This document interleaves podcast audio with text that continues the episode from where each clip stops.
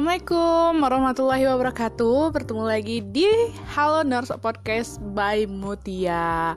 Nah jadi teman-teman ini adalah podcast episode kedua aku di Halo Nurse Dan kali ini berhubung kemarin itu Tepatnya pada tanggal 14 November Itu diperingati sebagai Hari Diabetes Sedunia Nah, kali ini berdasarkan hal itu aku mau sharing nih sama kalian tentang diabetes itu sendiri. Apa sih diabetes itu?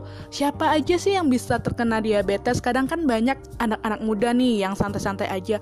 Kan masih muda, Kak. Yang tua itu yang tua-tua aja. Nah, jadi itu adalah anggapan-anggapan yang salah karena diabetes ini adalah penyakit yang gak pandang buluh, teman-teman.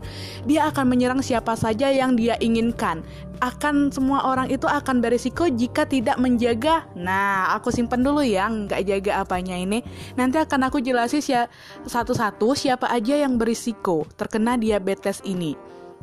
Nah, kenapa aku sangat tertarik dengan penyakit diabetes ini, teman-teman?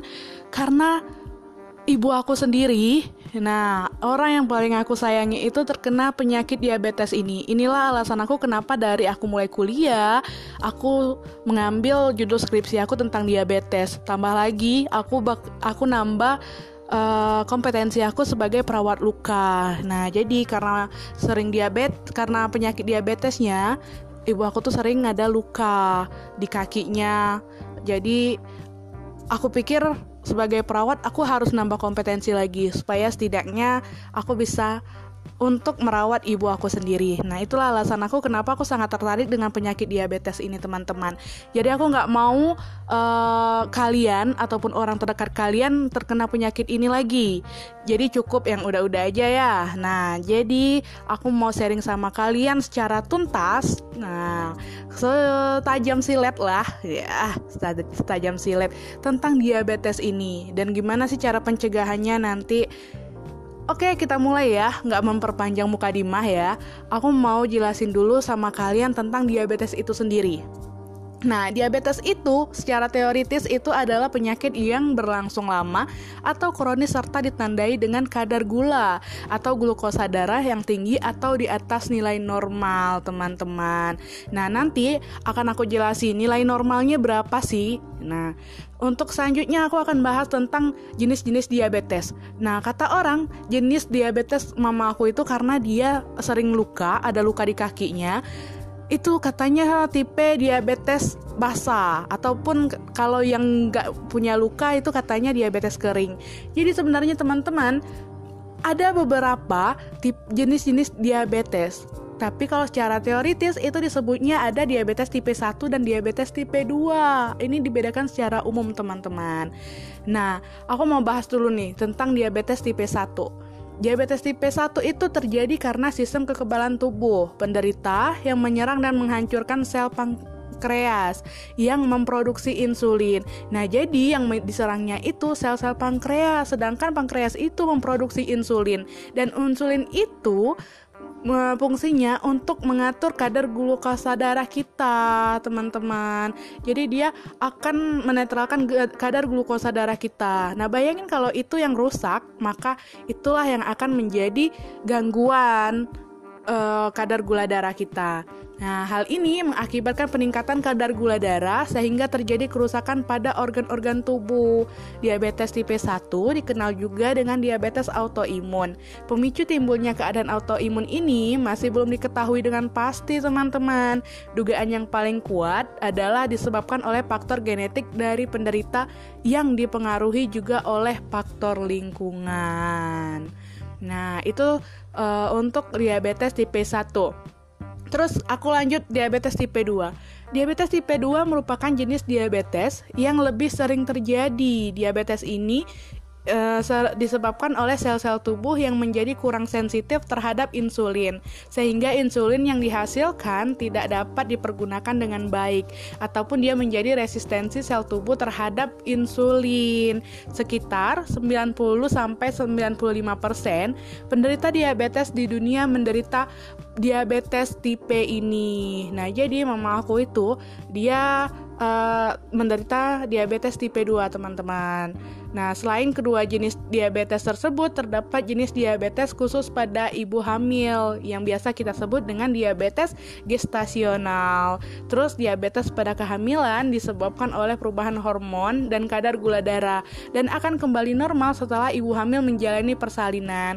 Jadi, diabetesnya hanya terjadi pada saat ibu hamil. Dan kalau dia hamilnya udah melahirkan ataupun udah menjalani persalinan, gua kadar gula darahnya akan menjadi normal kembali teman-teman itulah yang dinamakan dengan diabetes gestasional Nah, itu untuk uh, jenis-jenisnya. Aku udah jelasin tiga jenis kepada kalian, uh, diabetes tipe 1, tipe 2, sama gestasional tadi ya yang untuk ibu hamil. Selanjutnya aku mau bahas tentang gejalanya, tanda dan gejalanya. Nah, yang pertama itu diabetes tipe 1 dapat berkembang dengan cepat dalam beberapa minggu, bahkan beberapa hari saja teman-teman. Sedangkan pada diabetes tipe 2, banyak penderitanya yang tidak menyadari bahwa mereka telah menderita diabetes selama bertahun-tahun karena gejalanya cenderung tidak spesifik. Nah, beberapa gejala diabetes tipe 1 dan tipe 2 itu antara lain Nah, yang pertama itu sering merasa haus, teman-teman. Yang kedua, sering buang air kecil, terutama di malam hari. Terus sering merasa sangat lapar. Turunnya berat badan tanpa sebab yang jelas. Nah, tiba-tiba berat badannya nambah lama, nambah kurus, badannya nambah lama, nambah kurus. Itu perlu dicurigai, teman-teman. Terus berkurangnya masa otot terhadap uh, apa terdapat keton dalam urin. Keton ini adalah produk sisa dari pemecahan otot dan lemak akibat tubuh tidak dapat menggunakan gula sebagai sumber energi. Nah, ini nanti akan kita dapat pemeriksaannya saat kita memeriksa urin kita ataupun air kencing kita uh, di laboratorium, teman-teman. Nah, selanjutnya lemas, teman-teman. Nah, terus pandangan kabur, luka yang sulit sembuh. Ini ada luka sedikit tapi kok lama banget ya sembuhnya. Kok nambah lebar ya lukanya padahal udah diobatin. Nah, itu perlu dicurigai apakah kadar gula darahnya dalam rentang normal atau tidak. Nah, terus sering mengalami infeksi, misalnya gusi, kulit, vagina atau saluran kemih. Sering mengalami infeksi-infeksi tersebut, teman-teman. Nah, terus ada lagi gejala-gejalanya seperti mulut kering, terus rasa terbakar, kaku dan nyeri pada kaki. Kadang katanya ada kayak semut-semutan ataupun kayak apa ya namanya kebas, terus gatal-gatal, disfungsi ereksi ataupun impotensi. Nah, itu nanti ya aku jelasin lagi. Terus sering mudah tersinggung. Ini tergantung ya, nggak spesifik sama orangnya. Ini uh, tanda-tanda uh, uh, yang bisa mengalami diabetes ini tapi nggak terlalu spesifik. Yang spesifiknya aku jelasin di atas tadi ya. Nah, terus uh, mengalami bercak-bercak uh, hitam ataupun munculnya bercak-bercak hitam di sekitar leher ataupun ini sebagai tanda terjadi resistensi insulin katanya. Terus ada beberapa orang dapat mengalami kondisi prediabetes yaitu kondisi ketika gul glukosa dalam darah di atas normal namun tidak cukup tinggi untuk didiagnosis sebagai diabetes. Seseorang yang menderita prediabetes dapat menderita diabetes tipe 2 jika tidak ditangani dengan baik teman-teman. Nah, itu sekilas untuk tanda dan gejalanya. Apa aja sih yang tadi? Yang pertama, sering merasa haus, sering buang air kecil saat malam hari, terus sering merasa sangat lapar, tapi dia lapar, lapar terus, tapi diiringi dengan berat badannya yang nggak tahu berat badannya turun tapi, tapi tanpa sebab teman-teman. Nah terus lemes aja, pandangan kabur Terus yang paling spesifik itu Kalau dia luka, lukanya sulit sembuh itu yang untuk tanda dan gejalanya teman-teman. Sekarang aku mau masukin faktor resiko. Siapa aja sih yang beresiko terkena penyakit diabetes ini teman-teman? Nah yang pertama itu aku bahas yang untuk tipe 1 ya. Yang tipe 1 ini yang tadi ada kelainan insulin ataupun biasa uh, ini yang terjadi pada sel-sel pankreasnya yang udah rusak ya. Nah yang pertama uh, yang beresiko itu memiliki keluarga dengan riwayat diabetes tipe 1. Nah, jadi di sini ada faktor keturunan yang mempengaruhi. Terus yang kedua, menderita infeksi virus. Yang ketiga, orang berkulit putih diduga lebih mudah mengalami diabetes tipe 1 dibandingkan ras lain, teman-teman. Jadi hati-hati nih buat kalian yang berkulit putih. Tapi jangan salah dulu ya. Nanti ada lagi yang untuk cara pencegahannya. Nanti aku jelasin lagi. Jadi kalian nggak usah takut dulu. Terus berpergian di daerah yang jauh dari katulistiwa, katanya itu beresiko teman-teman. Terus diabetes tipe 1 banyak terjadi pada usia 4 sampai 7 tahun dan 10 sampai 14 tahun. Walaupun diabetes tipe 1 dapat muncul pada usia berapapun. Jadi mulai terlihatnya tuh mungkin rentang rentannya dari usia 4 sampai 7 tahun dan 10 sampai 14 tahun itu. Tapi nggak menutup kemungkinan teman-teman pada usia berapapun bisa juga timbul diabetes tipe 1 ini. Nah, terus pada kasus yang tipe 2, diabetes tipe 2-nya akan beresiko sama orang yang pertama, kelebihan berat badan. Nah, jadi orang-orang yang gemuk itu, yang kelebihan berat badan akan lebih beresiko terkena penyakit diabetes tipe 2 ini. Terus yang kedua ada faktor keturunan juga, memiliki keluarga dengan riwayat diabetes tipe 2. Jadi nggak hanya diabetes tipe 1 aja yang dipengaruhi dengan keturunan tadi teman-teman. Ternyata diabetes tipe 2 juga dipengaruhi oleh faktor keturunan. Terus kurang aktif ataupun aktivitas fisik ini bisa membantu mengontrol berat badan, membakar glukosa sebagai energi dan membuat sel tubuh lebih sensitif terhadap insulin. Jadi, karena kurangnya beraktivitas fisik menyebabkan seseorang lebih mudah terkena diabetes tipe 2. Jadi, ya, kalian harus rajin-rajin olahraga nih teman-teman. Ini udah kelebihan berat badan, terus udah kurang aktif. Nah, tambah lagi pan apa uh, makannya banyak. Nah, ini sangat beresiko ya, teman-teman. Jadi pola hidup yang sehat itu sangat dibutuhkan di sini. Nah, yang selanjutnya faktor yang mempengaruhi itu adalah usia. Resiko terjadinya diabetes tipe 2 akan meningkat seiring bertambahnya usia karena dia semakin lama semakin menumpuk ya. Nah, terus menderita tekanan darah tinggi. Kalau dia udah punya riwayat hipertensi ataupun darah tinggi, itu lebih beresiko terkena penyakit diabetes tipe 2 ini, teman-teman. Jadi hati-hati ini udah darah tinggi, udah di udah diabetes. Nah, tambah lagi kolesterol nanti. Nah, itu akan lengkap deh penderitaan ya. Jadi hati-hati. Selanjutnya memiliki kadar kolesterol dan trigliserida yang abnormal. Nah, seseorang yang memiliki kadar kolesterol yang baik uh, dan yang rendah itu akan lebih uh, seorang yang memiliki kadar kolesterol yang baik atau HDL Nah, HDL ini namanya high density lipoprotein. Nah, yang rendah dan kadar trigliserida yang tinggi ini lebih berisiko mengalami diabetes tipe 2. Duh, susah banget ya aku nyebutnya tadi. Pokoknya intinya uh, jika seseorang terkena kadar kolesterolnya tinggi, tambah lagi dia hipertensi, nah itu akan lebih berisiko terkena penyakit diabetes mellitus tipe 2 ini, teman-teman. Nah, nih Katanya, khusus pada wanita, ibu hamil yang menderita diabetes gestasional dapat lebih mudah mengalami diabetes tipe 2. Nah, jadi dia tadi yang misalnya uh, ah udah aku cuman terkena diabetes gestasional. Jadi aku pas hamil aja terkena diabetesnya. Pas sudah hamil aku udah sembuh. Tapi hati-hati jika nggak diiringi sama pola hidup sehat, nah itu akan lebih berisiko uh, terkena penyakit penyakit diabetes tipe 2 ini karena dia udah pernah terkena diabetes gestasional itu tadi saat hamil. Jadi hati-hati ya teman-teman. Nah, selanjutnya gejala diabetes biasanya berkembang secara bertahap kecuali diabetes tipe 1 yang gejalanya dapat muncul secara tiba-tiba. Dikarenakan diabetes sering kali tidak terdiagnosis pada awal kemunculannya, maka orang-orang yang berisiko terkena penyakit ini dianjurkan menjalani pemeriksaan rutin Nah, orang-orang itu adalah yang pertama, orang-orang yang berusia di atas 45 tahun. Ini wajib hukumnya harus memeriksakan kadar gula darahnya ya. Terus wanita yang pernah mengalami diabetes gestasional saat hamil. Nah, kayak yang aku jelasin tadi. Terus orang yang memiliki indeks massa tubuh uh, di atas 25. Artinya ini adalah orang-orang yang gemuk ataupun yang obesitas, teman-teman. Terus orang yang sudah didiagnosis menderita prediabetes.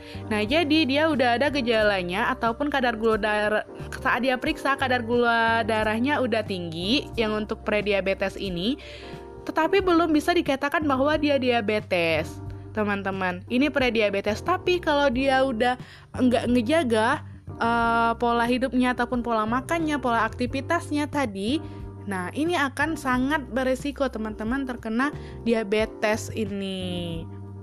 Lalu, uh, tes gula darah di sini merupakan pemeriksaan yang mutlak yang harus dilakukan untuk mendiagnosis diabetes tipe 1 ataupun tipe 2. Hasil pengukuran gula darah akan menunjukkan apakah seseorang menderita diabetes atau tidak.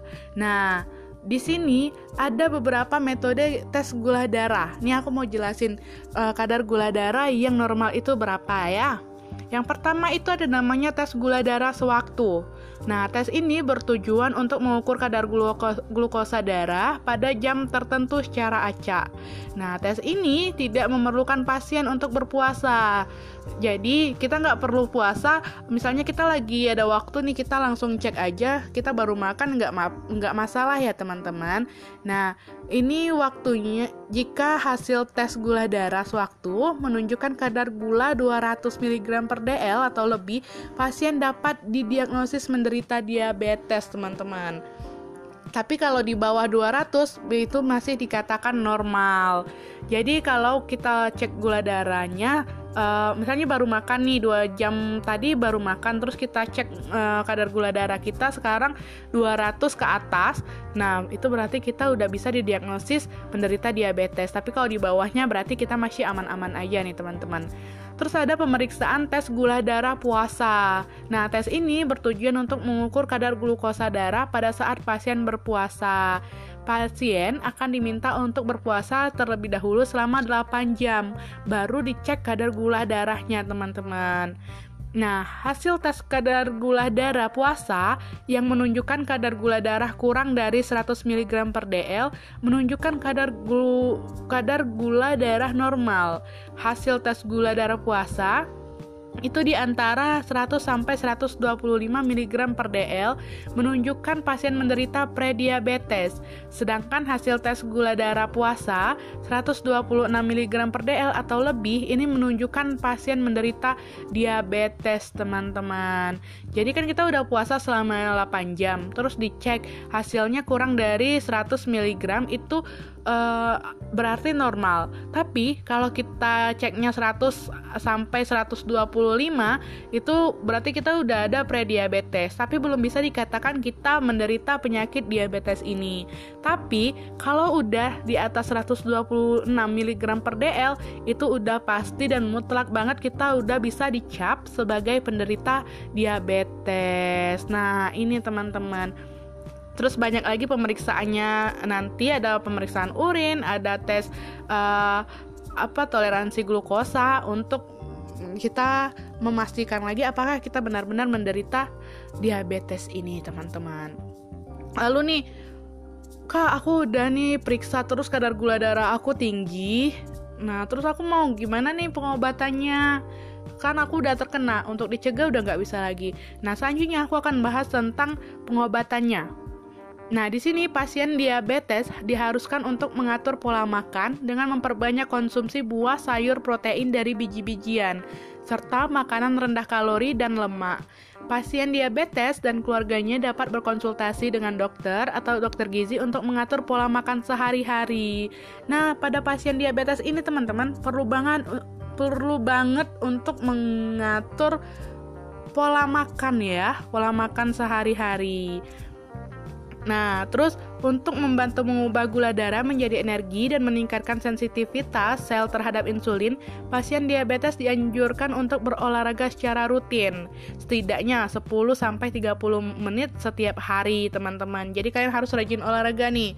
Terus pasien dapat berkonsultasi dengan dokter untuk memilih olahraga dan aktivitas fisik yang sesuai. Ini untuk lebih tepatnya ya.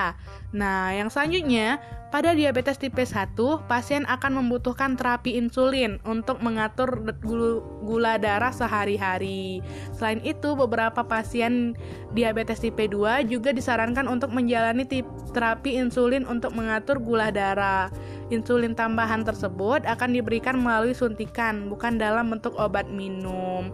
Jadi, tipe 1 dan tipe 2 itu bisa diberikan terapi insulin, tapi nanti dulu teman-teman dilihat juga ada beberapa pasien diabetes tipe 2 itu yang hanya dianjurkan untuk minum obat bukan disuntik insulin. Nanti ada penjelasannya dari dokter kalian ya. Jadi jangan asal-asal ataupun langsung takut. Wah, berarti aku langsung suntik insulin terus dong tiap hari. Enggak, enggak mutlak ya, teman-teman. Bisa jadi nanti kalian bisa dapat obat aja. Terus pada kasus diabetes tipe 1 yang berat, dokter akan merekomendasikan operasi pencangkokan ataupun transplantasi pankreas. Ini untuk step-step selanjutnya sih, teman-teman. Nah, biasanya untuk pasien tipe 2 ini, dokter akan meresepkan obat-obatan. Salah satunya adalah metformin. Nah, obat minum yang berfungsi untuk menurunkan produksi glukosa dari hati. Selain itu, obat diabetes lain yang bekerja dengan cara menjaga kadar glukosa dalam darah agar tidak terlalu tinggi setelah pasien makan juga dapat diberikan. Tapi biasanya yang umum itu diberikan sama dokter itu adalah metformin, teman-teman. Jadi ini uh, makanya tadi aku bilang bahwa nggak selamanya dia dis disuntik insulin, tapi ada yang dapat obat juga. Tapi teman-teman obat ini harus rutin diminum setiap hari. Kalau kalian udah menderita penyakit diabetes, apalagi tipe 2, Nah, kalian berarti harus mengkonsumsi obat seumur hidup, teman-teman. Uh, walaupun setelah kalian periksa, nanti kadar gula darah kalian kan akan turun. Tapi untuk obat ini harus dilanjutkan teman-teman karena kita nggak tahu kadang obat apa kadang kadar gula darah itu naiknya tiba-tiba udah tinggi kita makan apa aja sebentar tiba-tiba udah tinggi ataupun ada pikiran ataupun ada aktivitas yang membuat kita jadi uh, lebih ataupun mengalami kondisi yang nggak baik itu akan naik dengan sendirinya teman-teman jadi untuk mengantisipasi itu maka teman-teman diwajibkan untuk mengkonsumsi obat ini. Walaupun tadi yang aku bilang waktu kalian periksa itu udah dibilang normal, tapi kalau kalian udah diabetes, kalian wajib untuk minum obat ya tiap hari. Jangan bosan teman-teman, karena ini sangat membantu sekali untuk uh, kalian yang terkena diabetes. Nah, kalau kalian nggak mau minum obat, nanti akan ada komplika komplikasi dari diabetes ini. Yang pertama itu penyakit jantung, terus stroke, terus larinya ke gagal ginjal, terus ada neuropati diabetik namanya, terus gangguan penglihatan, terus demensia, gangguan pendengaran, luka. Nah, luka ini nanti sulit sembuh. Teman-teman biasanya pada kaki. Terus baru kerusakan kulit akibat infeksi bakteri dan jamur. Nah kalian nggak mau kan uh, terkena eh, komplikasi-komplikasi ini? Nah selanjutnya aku mau jelasin tentang diabetes akibat kehamilan. Dapat ditimbulkan dapat menimbulkan komplikasi pada ibu hamil dan bayi. Contohnya, pada ibu hamil itu komplikasinya ter adalah preeklamsi. Sedangkan untuk komplikasi pada bayi itu seperti kelebihan kelebihan berat badan saat lahir. Ini untuk uh, diabetes gestasional tadi ya, teman-teman. Jadi pada ibunya itu bisa terjadi preeklamsi. Nah, yang untuk bayinya ada kelebihan berat badan saat lahir, terus bisa jadi kelahirannya prematur, terus gula darahnya rendah, lalu keguguran, lalu penyakit kuning, terus meningkatnya resiko menderita diabetes tipe 2 pada saat bayi sudah menjadi dewasa. Jadi hati-hati teman-teman. Kasihan ya, nggak hanya ibunya yang terkena, tapi anaknya juga bisa terkena dan sangat beresiko. Terus udah tadi tentang pengobatannya. Untuk tipe 1 mungkin udah pasti nanti dia terapi insulin uh, dan juga menjaga pola makannya. Begitu juga dengan uh, tipe 2 tadi, selain dia terapi insulin ada juga obat yang bisa diberikan untuk mengontrol kadar gula darah itu, teman-teman. Terus untuk pencegahannya nih, buat kita-kita yang masih belum alhamdulillah ya, kita yang masih belum terkena penyakit ini.